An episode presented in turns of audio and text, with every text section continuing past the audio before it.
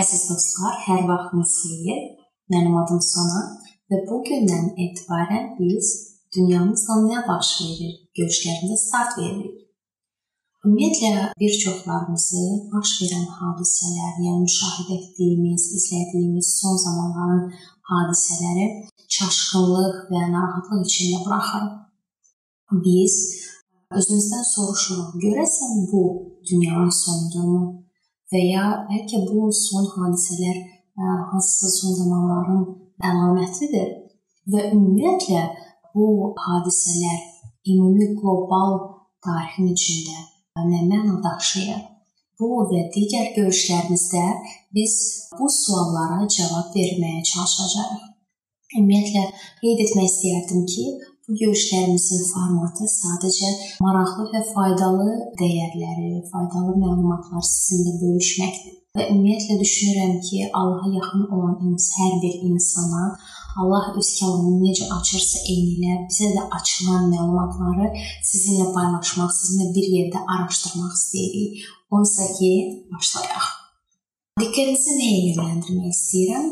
Dünyamızda son zamanlar dediyimiz kimi dəyişikliklər baş verir və yadımdadır bir neçə il əvvəl, bir neçə il deyəndə hardasa bir 8 il əvvəl Bakıda qalmadığım dövrlərdə qohumlarım da deyirdi ki, o vaxtlar yəni Bakıda yaxşı belə qarlı qış görmək olardı.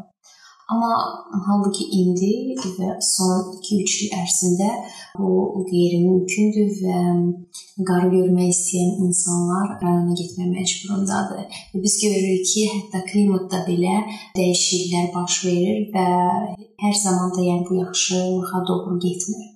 Fərqli mənbələri məsələn oxuyuram və görürəm ki, yəni sizinlə paylaşmaq istəyirəm Hidrometeoroloji tədqiqatlar göstərir ki, son 120 ildə ilk dəfə quraqlıq problemi aktual olacaq. Bu yaxınlarda da belə bir mənbədən məlumat oxumuşdum Çexiya haqqında. Deməli Çexiyanın hökuməti bildirib ki, ölkədə son 500 il ərzində ilk dəfə quraqlıq ehtimalı var. Hesab edirsiniz. Və ümumiyyətlə BBC-nin təqdim etdiyi məlumata əsasən də son e, illərin e, orta statistik temperaturu artmağa doğru gedir. Bəzi alimlər deyirlər ki, bizim bu geriyə dönüş olmayan nöqtəni biz artıq keçən əsrdə keçmişik və bizim bu cəhdlərimiz, nə isə dəyişmək, nə isə bərpa etmək cəhdlərimiz ümumiyyətlə mənasızdır və qeyri-real görsənir. Çünki biz elə bir mexanizmi işə salmışıq ki, onu artıq dayandırmaq mümkün deyil. Bəs təbii olaraq belə bir sual ortaya çıxır və biz özümüzə belə bir sual veririk ki, bizi nə gözləyir? Bəzi alimlər deyirlər ki, bizi 5-ci buz dövrü gözləyir yenidən. Digərləri dediyim kimi deyir ki, bizi quraqlıq və dəhşətli səhralar gözləyir. Amma ən maraqlısı odur ki, müqəddəs kitab bizə gələcəyimiz barədə çox gözəl və aydın şəkildə xəbər verir. Növbəti görüşlərdə təbii ki, biz bu məlumatları bir yerdə araşdıracağıq, baxacaq, bir yerdə mən sizə oxuyacağam peyğəmbərliklərdən biz görəcəyik ki, müqəddəs kitabın bizim gələcək haqqında ssenarisi hansıdır. Dediyim kimi, yəni dünya dəyişir və bu ancaq təbiət və ekologiya sahəsinə aid deyil.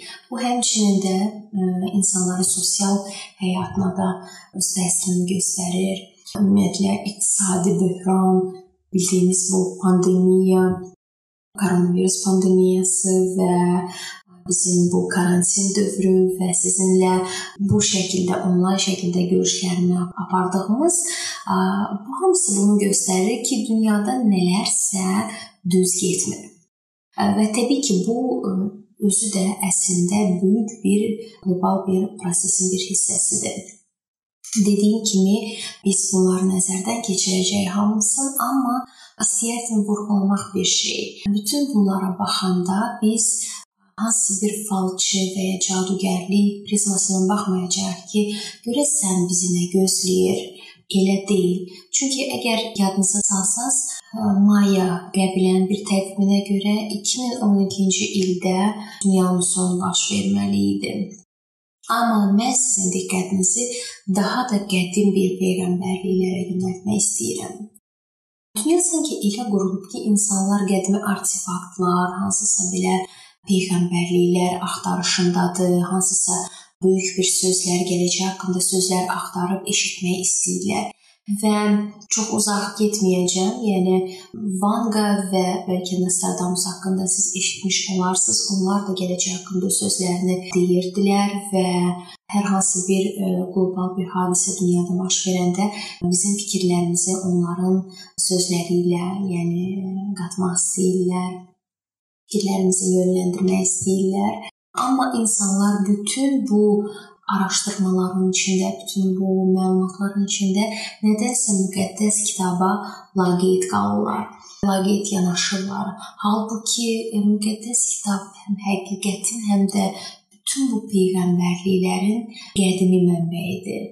Və əgər siz bilmirsinizsə, demək istərdim ki, müqəddəs kitabın 3də 1 hissəsi həyata keçmiş peyğəmbərliklərlə doludur. Və müqəddəs kitabın belə bir prinsipi var. Həqiqi peyğəmbərlik odur ki, həyata 100% doğruluqla keçir. Yəni heç bir səhvsiz həyata keçir. Neçə illər bundan öncə bir necə deyim, bəlkə bir gələcək planlayan mı deyim, ya da ki, gələcəyə baxan bir adam var idi, Pavel Global öz proqnozlarını verirdi Və o insan bir müsahibəsində demişdi ki, mənim gələcək haqqında sözlərim və proqnozlarım 80% dəqiqliyi ilə həyata keçir. Və öz aləmində bu düşünürdü ki, bu kifayət qədər yaxşı bir göstəricidir. Halbuki 20% səhvə yol verirdi. Amma müqəddəs kitab bizə deyir ki, orada deyilən bütün sözlərin, bütün peyğəmbərliklər 100% dəqiqliklə həyata keçir, çünki onları yazan Allah tərəfindən ilhamlanmış insanlardır. Və buna görə Allahdan nə 10%-dən 5%-dən 1% səhv ola bilməz. Və bu gələcək hadisələrə baxmaqdan öncə mən sizi mənbə ilə tanış etmək istəyirəm. Hansısa ki mən özüm əsaslanacağam. Bu təbii ki, müqəddəs kitabdır. Mən sizə nə üçün ona etibar etdiyimi göstərəcəm və sonra biz peyğəmbərliklərə keçəcəyik. İlk öncə demək istəyərdim ki, müqəddəs kitab bir neçə dildə yazılıb. Birinci o qədimi İbrani dilində yazılmışdı. Bu Musanın dövrünə aiddir. Musanın e, Sinay dağında Allah tərəfindən qanunun aldığı vaxtları, yəni bu qədimi İbrani dilindədir. Sonra Yahudi xalqı əsir düşəndə, Babil e, imperiyasının əsir altına düşəndə, orada elə bil ki, bu oranın mədəniyyətinin təsiri altına düşəndə artıq İbrani dili aradan çıxmışdı və əvəzinə Arami dili gəldi və o zaman tamamilə yəni bütün əlyazmalar Arami dilində idi. Və e, indi bildiyimiz əhd cədid, yəni yeni əhd Yunan dilində yazılmışdı və ümumiyyətlə o zamanlar Roma imperiyası Yunan dili mədəniyyət dili olaraq qəbul elədiyinə görə və ümumiyyətlə əl çatan bir dil olduğuna görə çoxu, yəni Yunan dilində danışırdılar və Yunan dilində yazılmışdı. Müqəddəs kitab bir kitab deyil. Əslində o bir çox kitab toplusudur. 66 kitabdan ibarətdir. 39 kitab Əhd Ətiqin kitablarıdır və 27 kitab Əhd Cədid kitablarıdır. Daha nələri bilmək vacibdir? Mən fikir verirəm ki, həmişə olduğu kimi indilərdə də nəyin üzərində böyük mübahisələr gedir. Ümumiyyətlə müqəddəs kitabı kimlər tərəfindən yazıldığı barədə Nə dərəcədə mən bu peyğəmbərliklərə və orada yazılan sözlərə etibar edə bilərəm deyə, kimlər onu köçürdü, necə, nə vaxt və hardadır bu barədə bir çox mübahisələr gedir. Və ona görə də mən onun necə formalaşdığı barədə sizə məlumat vermək istəyirəm. 4-cü əsrə qədər əhd ətiq, əhd ətiqin qanunu formalaşır. Yəni onun adı Tanaxa gedir Bu da kimin tərəfindən formalaşdırılır? Deməli, o vaxtlar Allahın qanununun qanun müəllimlərindən biri olan Yezra müəllimi tərəfindən formalaşdırılır. Bu qanun 3 hissədən ibarətdir. Bu Musanın qanunudur, bu peyğəmbərlərin kitabıdır və bu Zəburdur.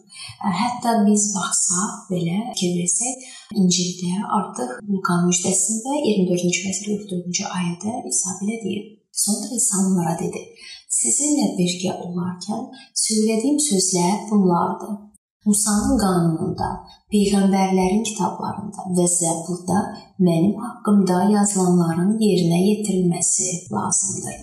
Sonra nə bilmək vacibdir? Əhd-i Cədid 2 və 3-cü əsr arasında, əsrlər arasında yazılır. Təbii ki, həvarilər və İsa'nın şagirdləri tərəfindən yazılır və dediyim kimi 27 kitabdan ibarətdir. Və öncə dediyim kimi müqəddəs kitab bizə deyir ki, onu müqəddəs ruh tərəfindən ilham almış Allah adamları yazır. Buna görə də belə bir şey təsəvvür etmək mümkün deyil ki, müqəddəs kitabı hər yoldan keçən bir insan, ümumiyyətlə bundan başı çıxmayan bir insan durub desin ki, mən bu gün müqəddəs kitabı yazmaq istəyirəm. Təbii ki, proses belə deyildi. Müqəddəs kitab hətta bizə deyir ki, onun 40-a yaxın müəllifi var və onlar 1500 il ərzində yazırdılar bu kitabı. Musa'nın kitabı olan Yaradılış kitabından tutmuş Yəhyanın Vəhy kitabına qədər. Önəmli bir qeyd budur ki, siz məsəl üçün bu kitabı oxumağa başlasanız, görəcəksiniz, fikir verəcəksiniz ki, xəbər bir-birinə bir yazıcı o biri yazıcıya o qədər gözəl şəkildə xəbəri ötürür ki, bu estafet o qədər sinxron şəkildə yazılıb ki, bu kitab ortada 1500 il fərq heç görünmür. Bu onu göstərir ki, ümumiyyətlə onların üzərində duran başqa bir baş müəllifi var və o, o insanlara öz fikrini, öz ə, məqsədini, öz görüntünü, elə ki, Allah onların ürəklərinə qoyub və onların vasitəsilə bizə ötürüb. 2-ci Peter 1-ci fəsil 21-ci ayədə bunu təsdiqlə oxuya bilərik. Çünki heç vaxt peyğəmbərlik insan iradəsi ilə qaynaqlanmamışdır. Lakin müqəddəs ruh tərəfindən yönəldilən insanlar Allahdan gələn sözləri söylədi. Allah üçün həqiqət qədər qiymətli bir şeydir ki, müjdəçi Yəhya Səvvəh kitabında bu həqiqətin necə Allah tərəfindən ötürüldüyünü bizə deyir. Biz görüşlərimizdə bu gələcək haqqında danışacağımız biliklər Allah tərəfindən insanlara çox incə və çox ehtiyatla ötürülüb. O əldən ələ elə gözəl bir şəkildə ötürülüb ki, axırda sonda insanlar o oxuduqlarını anlaya bilsinlər və ümumiyyətlə eşitdiklərini anlaya bilsinlər və onu sonra əl yazmalarına çevirsinlər və sonra onları nəsildən nəsilə ötürsünlər. Və bunun da baxın oxuyuruq təsdiqi Vəhiy kitabı 1-ci fəsil 1-ci ayədə yazılıb. Bu İsa Məsihin vəhyidir. Allah bunu ona verdi ki, tezliklə baş verməli hadisələri öz qullarına aşkar etsin. Məsih də bunu öz mələyi vasitəsilə qulu Yəhyaya göndərərək bəyan etdi. Fikir verin, necə bir prosesdir, necə bir yol gedir bu vəhy insanlara çatmaq üçün. Birinci növbədə Allah öz vəhyini İsa Məsihə ötürür. İsa Məsih onu öz mələyinə çatdırır və mələk artıq bizə bu fikri, bu vəhi Yəhya vasitəsilə bizə ötürür. Və biz bilməliyik ki, Allah öz peyğəmbərliklərini heç bir şəkildə nə tər gəldi, harda gəldi səpələmir. O heç vaxt sözünü elə belə demir və hər bir sözün arxasında avtoritet, onun avtoriteti dayanır. Növbəti bir səbəb nəyə görə müqəddəs kitab bizim üçün dəyərlidir? Çünki o özündə tarixi daşıyır. Məsəl üçün 19-cu əsrə qədər bir çoxları düşünürdülər ki, müqəddəs kitabda yazılan bu mifik personajlar belə deyək də, mifik qəhrəmanlar, məsəl üçün İbrahim, İsaq, Yaqub, Navoxodnosor padşahı və ya ümumiyyətlə məsələn şəhərlər Ur, Xaldiya, Babil, e, bunlar hamısı əfsanədir. Çünki o zamanlar arxeologiya o qədər də inkişaf etmədiyi üçün onların ümumiyyətlə bu barədə məlumatı olmadığı üçün heç bir şey bu barədə tapmadıqları üçün o vaxtların skeptikləri düşünüblər ki, bu sadəcə müqəddəs kitabın bir uydurmasıdır. Amma çox şükürlər olsun ki, sonradan arxeologiya inkişaf edərkən bütün bunların tarixdə təsdiqini tapırıq və görürük ki, əslində həqiqətən də bütün bu adamlar, bu şəxslər və bu məkanlar çox tarixi baxımdan çox böyük əhəmiyyət daşıyır və həqiqətən də realda mövcud idi. Digər bir vacib məqama toxunmaq istəyirəm. Qumran yazmaları əlyazmalar barədə demək istəyirəm. 1947-ci ildə deməli iki beduin cavan oğlan öz e, keçilərini və quzularını otaranda, demək onlar qayalar ətrafında otarırdılar və bir oğlan daşı atarkən qayaya oradan elə bil ki bir gil qabın sındığını eşitdi, elə bir səs eşitdi və o düşündü ki, düşündü ki, yəqin bir xəzinə tapdı Və təbii ki, getdi, tez qalxdı, amma gəlib görəndə ki, o sadəcə gilin içində, gil bu qabın içində sadəcə parçalar var və o anlamadı. Və hətta o parçaların bir hissəsindən özü üçün ayaqqabı tipli bir şey düzəltməyə çalışdı və qalan bu parçaları, dəri parçaları o evinə apardı.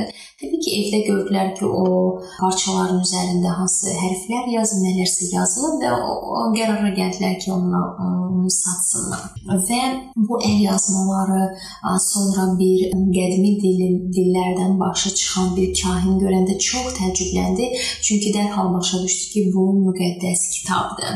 Və sonra bu Qumran cəmiyyəti 2-ci əsrlər ərzində, 2-ci əsrdən başlayaraq belə deyək, müqəddəs kitabı köçürməyə başladılar. Əslində o demək olar ki, onların xəzinəsidir ki, onlar da bizə ötürdülər. Onlar deməli bu köçürülmə, bu proseslə məşğul idilər və indiki biz oxuduğumuz əslində müqəddəs kitab o yazılan, o əl yazmalarla üst-üstə düşür, uyğun gəlir və bu o deməkdir ki, İsa Məsih də öz sözlərində həmin o əlyazmalara əsaslanırdı. Həmin o sözlərə əsaslanırdı. Onun şagirdləri, onun həvariləri də bu yazıları oxuyurdular, bu yazılara əsaslanırdılar və köçürmə prosesi əslində çox incə və çox detallı şəkildə, çox dəqiq şəkildə keçirdi və hətta hansısa bir əlyazmaların bir hissəsində kiçik bir səhvə yol verilsə, verilsəydi, dərhal demək olar ki, bu əlyazmalar məhv olurdu və yenidən köçürülürdü. Və bu vaxta qədər, bu Qumran əlyazmalarına qədər ilk qədimi müqəddəs kitabın yazıları, belə deyək, tapıntıları 9-cu əsrə aiddir. Bizim eramızın 9-cu əsrinə aiddir və təsəvvür edirsiniz ondan 1000 il əvvəl bu Qumran əlyazmaları sayəsində daha da qədimi bir əlyazmalara, daha da müqəddəs kitabın tapıntılarına sahib olduq. 1000 il arasında fərq var və Başqa bir vacib məqama toxunmaq istəyirəm. Müqəddəs kitabın unikallığı, ə, müəllifliyindən, avtoritetliyindən əlavə də onun birliyindədir. Yəni kitabı oxuyanda görürük ki, Bu bütün 1500 il ərzində peyğəmbərlər tərəfindən simvollar, peyğəmbərliklər və ya ümumiyyətlə baş verən hadisələr vasitəsilə Allah öz ümumi bir fikrini insanlara çatdırmaq istəyir və ümumi bir xəbəri, mühüm bir xəbəri çatdırmaq istəyir və bu xəbərdə İsa Məsihin dünyaya gəlişi barədədir. Buna görə də baxın İsa barədə nə deyir. Yəhya 5-ci fəsil 39-cu ayədə yazılıb. Siz müqəddəs yazıları araşdırırsınız. Çünki düşünürsünüz ki, onların vasitəsilə əbədi həyata malik olacaqsınız. Lakin onlar da mənim barədə şahadət edir. Yəni İsa deyir ki, yaradılış kitabından tutmuş Malaxiya kitabına qədər hər bir şey mənim haqqımda deyilir. İsa ümumiyyətlə müqəddəs kitabın mərkəzi şəxsiyyətidir. müqəddəs kitabı təməl kimi götürdüyümün səbəbindən biri odur ki, dediyim kimi, qeyd etdiyim kimi, bu kitabın 3də 1 hissəsi peyğəmbərliklərdən ibarətdir və həyata keçmiş peyğəmbərliklərdir. Bilirsiniz, əslində bu peyğəmbərliklərin 90%-i çox böyük dəqiqliklə, yəni 100% dəqiqliklə həyata keçib. Biz elə dövrdə indi elə bir zamanda yaşayırıq ki, tarixin elə bir dövründə yaşayırıq ki, bu yerdə qalan 10% peyğəmbərliklərin yerinə yetirməsi qalıb. Və gəlin mən sizə bir sübut olaraq bəzi müqəddəs kitabda deyilən və həyata keçən peyğəmbərliklər barədə deyim və siz istəsəz sonra onların haqqında daha ətraflı internetdə baxa bilərsiniz. Allah bir zaman deyir ki, Yahuda xalqı ucalacaq. Sonra Allah onun çökməsi barədə deyir. Deyir ki, Yerusalim dağılacaq və bu Nabukodonozor padşahın əli ilə baş verəcək. Allah Babil imperiyasının çiçəklənməsi, onun digər padşahlıqları fəth etdiyi barədə deyir bizə. Sonra nə zaman və necə onun dağılacağını bizə açır. Sonra Allah bizə deyir ki, Yerusəlim bərpa olacaq və onun xalqı əsirdən qayıdacaq. Sonra məbəd qurulacaq. Yəni məbəd bərpa olacaq, amma təəssüf ki, sonra bu məbəd Roma qoşunları tərəfindən məhv olacaq, dağılacaq və əslində bu çox böyük bir faciədir və İsa Məsih yer üzündə olarkən bu haqqda belə deyib ki, daş üstündə daş qalmayacaq, hər şey məhv olacaq.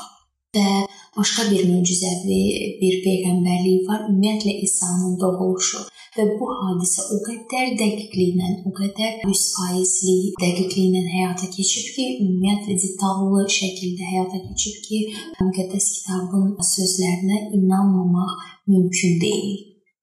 Bir qrup peyğəmbərliklər də var. Bu barədə sizə istəyirəm demək, bu apokaliptik peyğəmbərliklərdir. Deməli, peyğəmbərliklər ümumiyyətlə şərti və şərtsiz olur. Şərti peyğəmbər nə deməkdir? Peyğəmbərlik nə deməkdir? Yəni orada insan faktoru rol oynayır, təsir edir. Məsəl üçün Allah deyir ki, insana məsələn sən filan şey eləsən, mən bu şey edəcəm və ya etməyəcəm. Məsələn, bu şərti peyğəmbərliyin bir nümunəsini deyim sizə.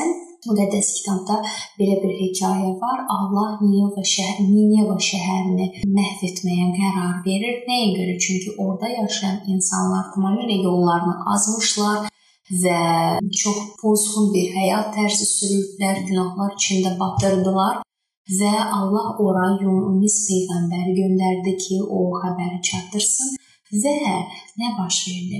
Xalq bu xəbəri eşidəndə tövbə etdi və həyatlarını dəyişdirməyə, ümumiyyətlə bu günahlarından tövbə etməyə qərar verdilər və Allah bunu görüb onlara mərhəmət elədi və nə şəhəri nə insanları məhv etmədi. Amma bir növdə peyğəmbərlik var ki, apokaliptik, yəni nə olursa olsun, bu yazılanlar həyata keçəcək. Və burada heç bir insan faktoru nə rol oynamır, nə də ümumiyyətlə təsir etmir. Və bu apokaliptik peyğəmbərliklər müqəddəs kitabın 2 kitabında yazılıb bu əhdi ətiqdə, yəni köhnə əhddə bildiyimiz Daniel peyğəmbərin kitabında yazılıb, bir də ki, İncilin, yəni əhdi cədidin son kitabında, Vəhi kitabında yazılıb. Və Danielin dövründə ümumiyyətlə bir insan başqasına bir məktubu əl yazmalar şəklində ötürürdü və onu belə vurub axırda onu möhürləyirdi.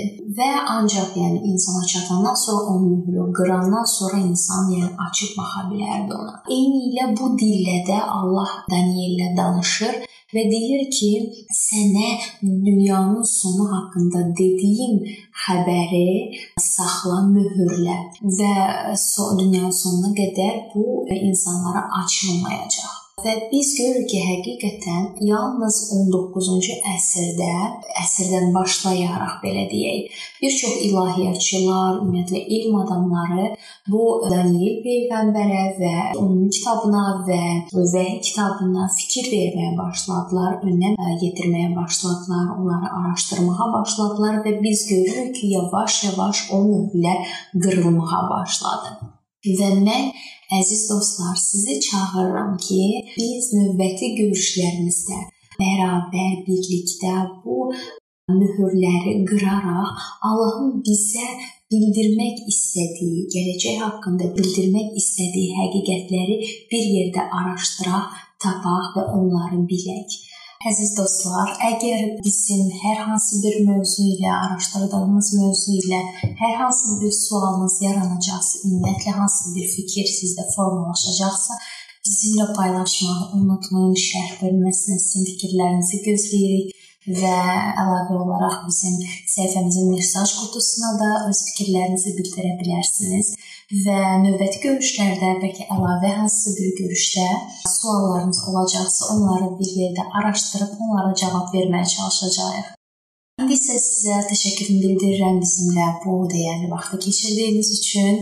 Sizi növbəti görüşlərdə gözləyirik. Sağ olun.